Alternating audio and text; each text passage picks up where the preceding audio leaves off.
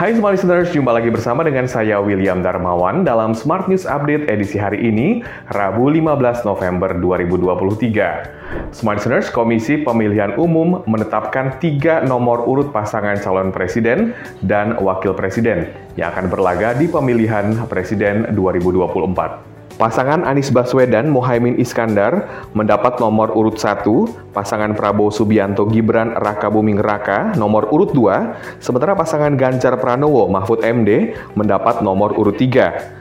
Penetapan ini berdasarkan hasil pengundian nomor urut pasangan calon presiden dan wakil presiden yang dilakukan di kantor KPU Jakarta.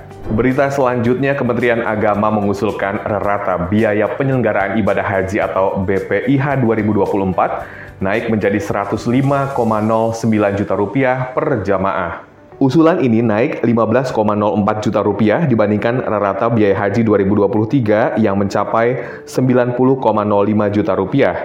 Kemenak menegaskan usulan rata-rata biaya haji 2024 itu masih akan terus dibahas panitia kerja hingga disepakati dan ditetapkan.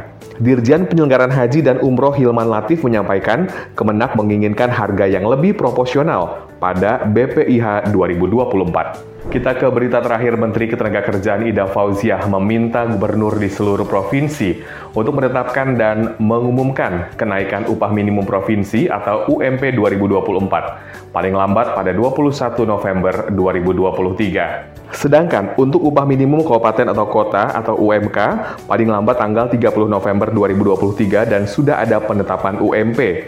Ia menyampaikan Pengumuman dan penetapan kenaikan UMP tersebut menyusul adanya kenaikan upah minimum melalui peraturan pemerintah nomor 51 tahun 2023 pada 10 November 2023 lalu.